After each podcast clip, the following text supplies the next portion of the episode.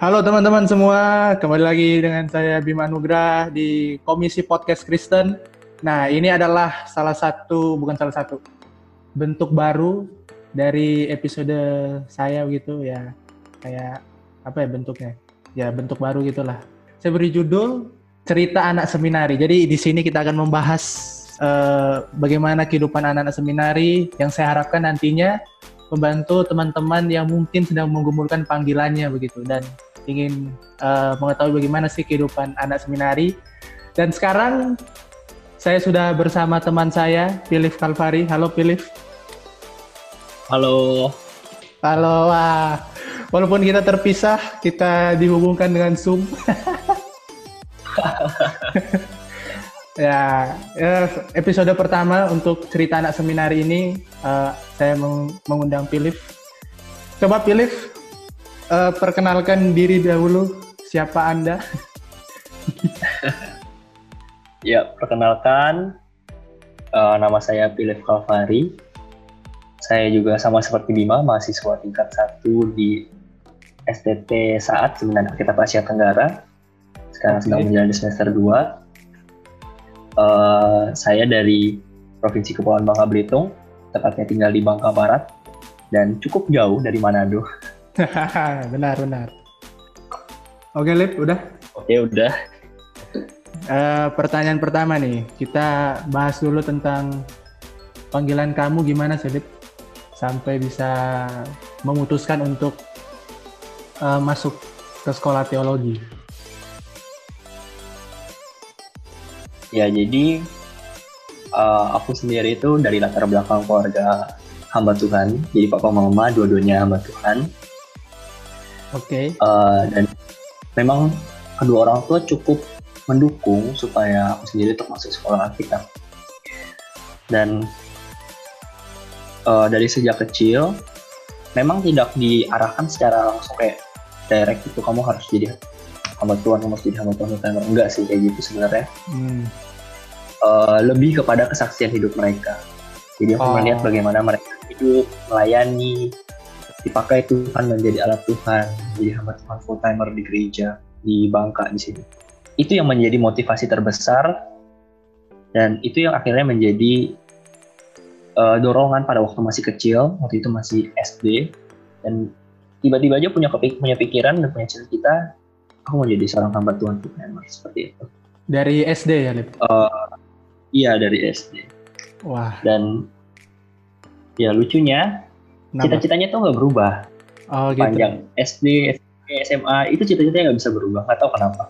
Seolah-olah uh, dari aku sendiri sih aku melihat uh, profesi lain aku kurang tertarik.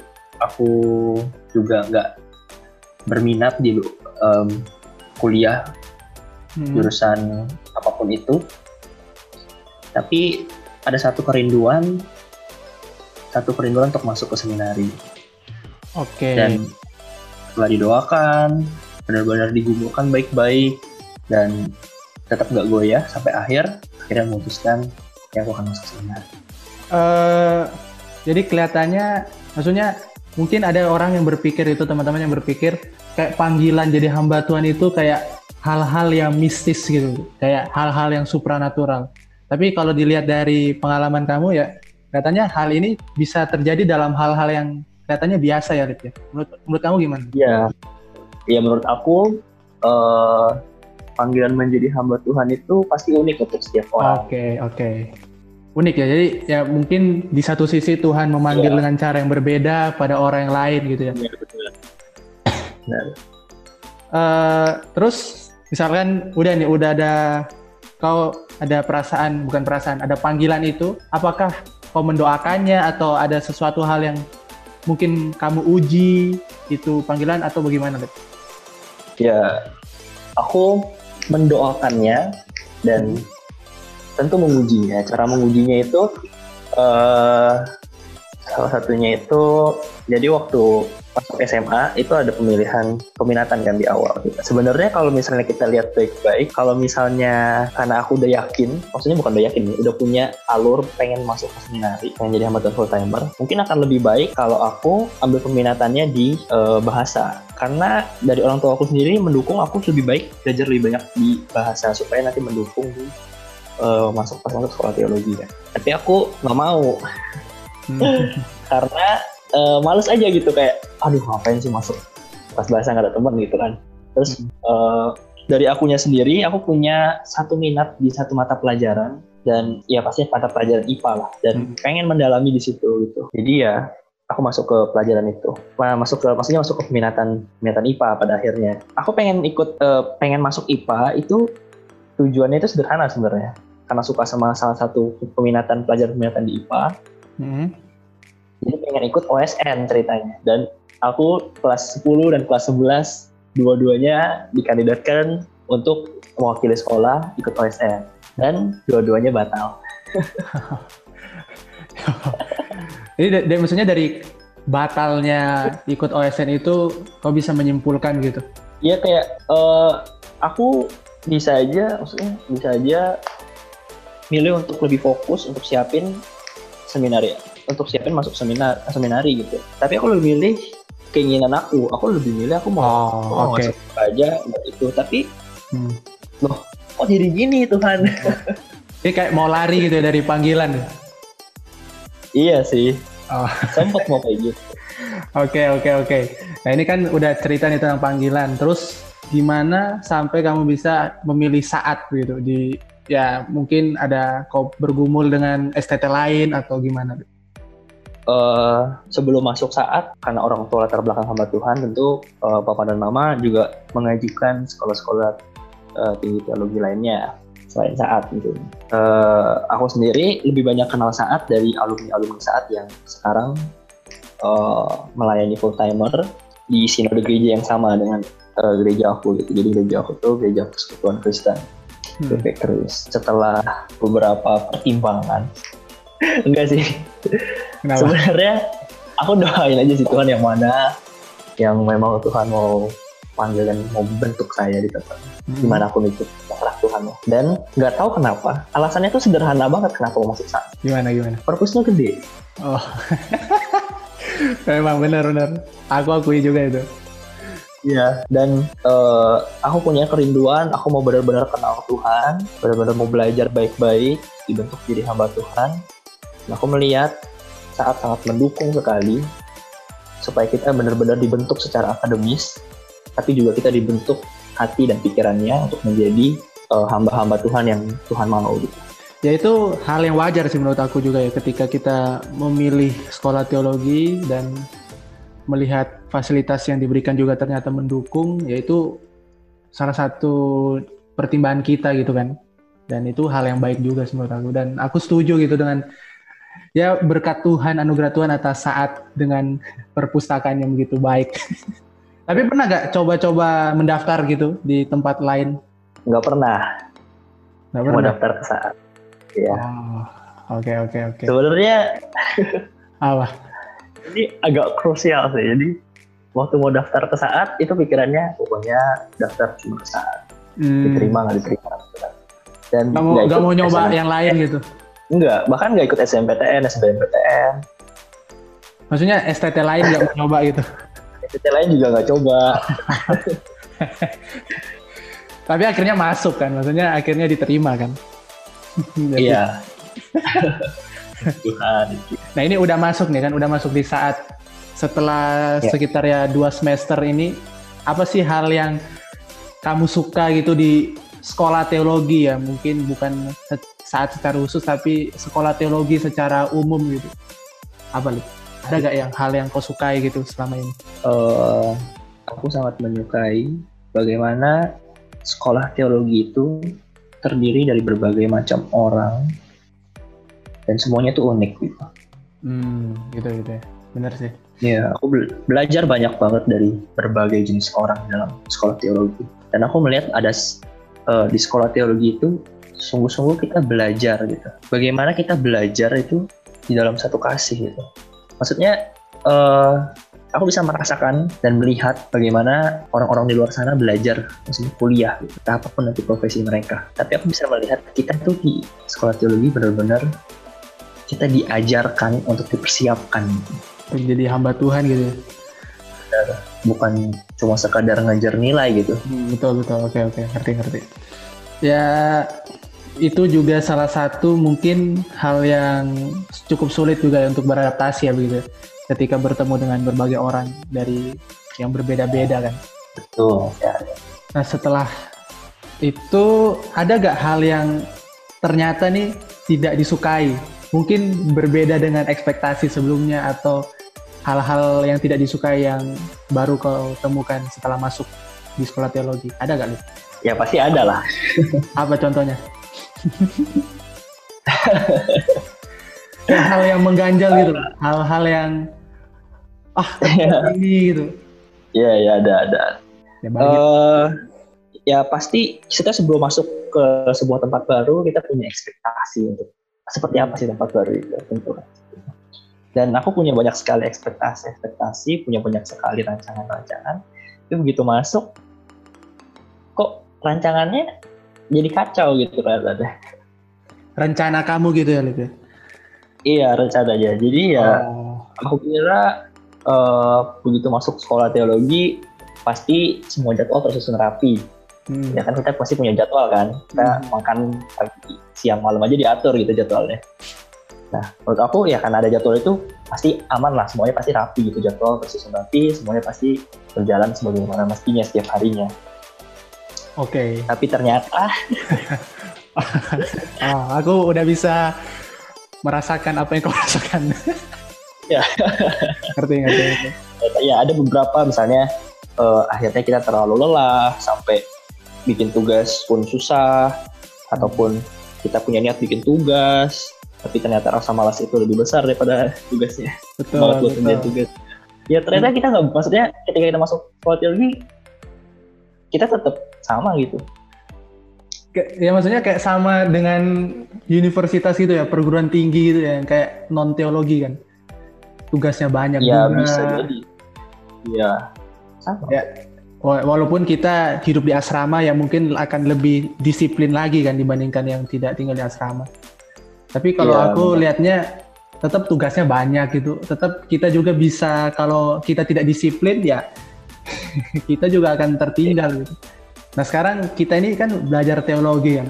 Nah menurut kamu nih apa sih yang susahnya gitu belajar teologi? Paling susah belajar teologi. Hmm.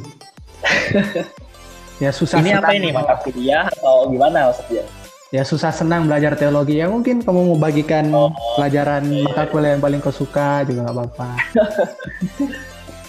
belajar teologi itu aku sangat menikmati kita bisa belajar teologi. Kita mengenal Tuhan lebih dalam lagi gitu. Dan eh, satu kesempatan yang indah kita dapat kesempatan yang menurut aku waktunya benar-benar singkat cuma beberapa tahun gitu dan dari beberapa tahun itu banyak yang harus kita kenal gitu yang harus kita pelajari uh, belajar teologi itu benar-benar asik sih menurut aku. Asik. Iya. Yang gak sus yang gak enaknya mungkin ya itu. Maksudnya kita punya waktu yang terlalu sedikit untuk belajar semua itu sebanyak itu. Ya untuk uh, persiapan pelayanan kita yang ya kalau Tuhan berkenan berlangsung seumur hidup gitu kan. Iya. Terus ya 4 sampai lima tahun kadang memang menurut saya juga aku juga nggak cukup sih dengan begitu banyak hal. Maka ada kayak ada nasihat gitu kan memang mengenal Tuhan itu ya berlangsung seumur hidup gitu. Cuma memang secara pendidikan formal ya hanya berlangsung 4-5 tahun seperti ini ya tidak cukup juga. Terlalu banyak. Dan tentunya kita sebagai manusia Tuhan tuh pasti kasih anugerah dan karunia berbeda-beda hmm. dan gak semua mata kuliah bisa kita kuasai bisa kita apa ya istilahnya uh, expert advance gitu di semua mata kuliah. Menurut aku mungkin mungkin bisa dengan kerja keras itu benar-benar tahun-tahun belajar baik-baik bisa. Tapi untuk sekarang uh, kita bisa melihat bagaimana Tuhan tuh kasih kita karunia yang beda-beda gitu. Jadi mungkin satu mata kuliah kita bisa, wah buka banget sama mata kuliah ini, aku mau sungguh-sungguh belajar ini. Tapi bisa jadi di mata kuliah lain uh, aku kurang bisa di sini. Tapi bukan berarti ketika kita kurang bisa satu mata kuliah, yang menurut kita nggak enak gitu hmm. tapi bukan berarti kita nyerah gitu tapi kita tetap kasih yang terbaik buat ya walaupun memang kita tidak memungkiri bahwa ya kita lemah di bagian itu gitu kan iya. Kita harus uh, embrace weakness gitu. Mengakui kelemahan dan ya dari kelemahan itu kita berusaha lah. Iya. ya ngomong-ngomong mata kuliah nih Lep. Apa nih yang paling kamu suka dan paling kamu tidak suka nih, selama belajar Kalau aku secara pribadi bahasa Yunani yang paling susah begitu. Tapi yang paling aku suka sistematik, teologi sistematika. Yeah. Nah, kalau kamu gimana nih? kalau untuk semester ini kita kembalikannya Bim. Oh gitu. Aku aku suka bahasa Yunani sama filsafat umum. Oh, Dan oke. Okay.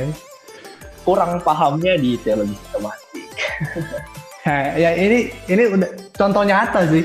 Maksudnya iya, contoh setiap, setiap orang beda-beda kan artinya. Benar. Tapi justru itu yang buat kita bisa saling belajar sama-sama. Betul, belajar betul, betul. Kita bisa saling melengkapi dan ya kekurangan orang lain kan. Dari orang lain betul. kita bisa bantu. Nah, ini kan uh, teologi gitu. Mungkin ada beberapa orang yang masih belum tahu sih apa yang kita pelajari gitu Lip, di di dalam teologi ini. Nah, coba kita sharing dikit tentang mata kuliah-mata kuliah yang ada nih di teologi ini. pertama kan, aja kali. Ya, pertama kita belajar uh, bahasa Alkitab ya. Untuk semester 2 ini kita di tingkat satu bahasa Yunani. Ya, ini yeah. cukup sulit sih untuk beberapa orang termasuk saya, aku secara pribadi. Tapi untuk beberapa orang juga Tuhan berikan karunia lebih. untuk memahami bahasa Yunani lebih baik. Bahasa Yunani bahasa yang digunakan di Perjanjian Baru, jadi kita harus belajar itu. Nah, yang kedua apa, Lip? Yang kedua kita juga uh, belajar studi Perjanjian Lama dan studi Perjanjian Baru. Oke, benar sekali studi PL dan PB. Ya. Tapi so. untuk semester 2 ini kita belajar PL Pentatuk ya, 5 kitab. Ya. Salat, Kitab Musa dan yang PB itu tentang Injil, studi Injil. Terus kita belajar juga filsafat umum. Terus apa lagi, Lip? Kita juga belajar teologi sistematika.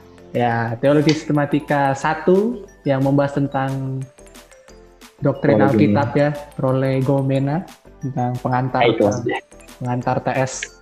Terus ada lagi uh, apa lip apa ya? Kita juga belajar hermeneutika. Ah hermeneutik. Aduh udah lupa nih. Hermeneutik itu tentang studi menafsirkan Alkitab. Ya gitu ya, ya. benar ya? Studi menafsirkan benar. Alkitab. Terus ada metode mengajar. Nah ini mengajar. ini mungkin tidak semua STT ada ya. Tergantung STT mungkin ya lebih atau gimana? Bisa jadi. Tahu juga ya. Yang penting intinya kita belajar bagaimana kita mengajarkan ke orang lain. Iya. Dan lagi lip? Nanti kita bakal tapi belum tahu ya apakah kita juga tetap dapat kuliah kewarganegaraan oh iya benar-benar tapi intensif ya oh, artinya di luar jam kuliah biasa kan itu iya. Cuma itu ya lip yang kita pelajari ya? Iya. Untuk semester ini. Oh, oke okay, oke. Okay. Ya, seperti itulah garis besar teologi. Ya, kalau mau dibilang dulu aku sih mikir teologi ini akan lebih mudah dibandingkan dengan kayak kimia, fisika atau matematika atau yang lain gitu. Tapi ternyata ya kalau kalian berpikir seperti itu ya itu ternyata salah. ini sama susahnya tugasnya, tugas baca lah, paper itu percayalah akan membuat sibuk. uh, berbicara mengenai dosen, Lid. gimana, Lid? Dosen-dosen di saat menurut kamu, Lid? Dosen-dosen di saat itu, menurut aku, mereka itu adalah orang-orang yang benar-benar uh, sungguh-sungguh menyerahkan hidupnya dipakai Tuhan untuk memperlengkapi calon-calon hamba Tuhan. Betul, aku sangat setuju dengan itu, Dan aku melihat bahwa kehidupan mereka itu dengan teologi yang mereka punya itu kayak apa yang mereka ajarkan mereka juga lakukan gitu dan bahkan uh, banyak hal yang dari spiritual mereka gitu yang bisa aku tiru gitu. Mereka sangat rendah hati di tengah mereka udah punya gelar PhD doktor di bidang mereka masing-masing. Ya, tapi aku melihatnya aku melihatnya mereka itu kayak orang jemaat biasa gitu saking rendah hatinya mereka gitu. Wah itu luar biasa sih. Itu salah satu yang harus kita tiru. Jangan pernah ya, sombong. ya, tapi walaupun memang mereka, uh, mereka juga tidak sempurna kan tetap ada beberapa yeah. hal mungkin cara mengajar mereka kan.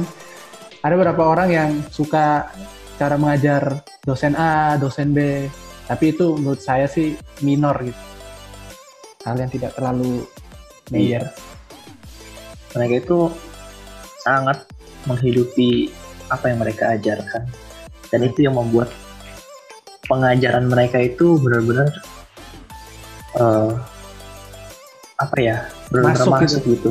Bener. Yeah. Soalnya kita nggak lihat orang yang cuma pandai ngomong, tapi orang yang orang yang memang juga menghidupi uh, hal itu yang mereka ajarkan. Benar, benar, benar. Dan yang pasti selalu kembali ke Alkitab. Betul, betul kembali back to Bible. Iya, itu sih. Dan menurut, menurut aku sih itu bukan ya semua orang Kristen seharusnya begitu sih. Maksudnya ketika mereka tahu teologi, ya sudah sepatutnya kehidupan mereka juga seharusnya uh, berpadanan dengan teologi mereka itu firman Tuhan gitu kan. Mereka baik sekali sama kita. Mereka benar-benar mau memperlengkapi kita.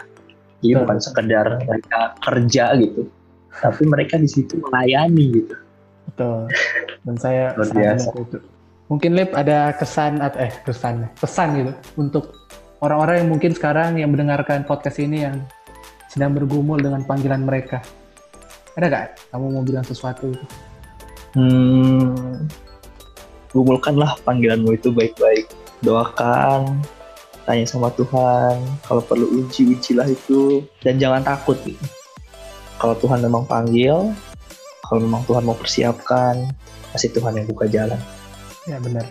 Dan Tuhan pasti kalau dia panggil, kalau aku pengalamannya sih pasti dia akan memberikan pada kita tanda yang pasti membuat kita melihat wah Tuhan ini ajaib gitu kayak kayak ketika kita menguji sesuatu Tuhan akan memberikan pemuasan yang sesuai dengan kalau aku bilang rasio kita gitu unik kan setiap orang kan. Jadi ada beberapa orang yang mungkin dengan tanda seperti ini mungkin belum dipuaskan, tapi dengan tanda yang seperti ini ada beberapa orang yang dipuaskan. Dan saya percaya Tuhan pasti bisa memuaskan setiap pribadi akan panggilan mereka dengan cara yang unik. Dan itu yang terjadi juga dalam kehidupan aku gitu. Dan mungkin kita berpikir juga uh, apakah harus orang yang suci dalam tanda kutip begitu untuk masuk sekolah teologi?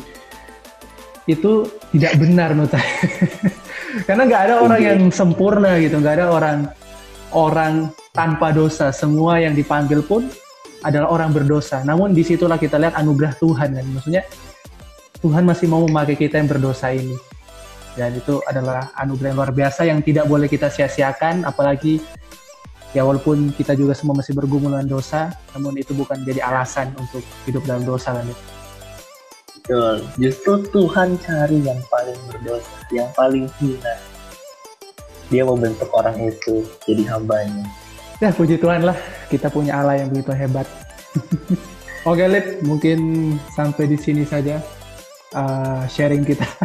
Semoga ini memberkati teman-teman yang mendengarkan podcast ini dan tetap gumulkan panggilan dan kayaknya podcast ini juga bisa ya membantu kalian untuk menggumulkan panggilan kalian untuk masuk sekolah Alkitab. Oke, Lip, ucapkan terima kasih, Lip. Terima kasih. Semoga kalian tetap semangat, tetap setia untuk mengumpulkan panggilan. Tuhan Yesus memberkati. Oke, terima kasih telah menonton, eh menonton. terima kasih telah mendengarkan podcast ini. Kita akan bertemu di episode selanjutnya. Oke, To God glory. Terima kasih Tuhan Yesus memberkati.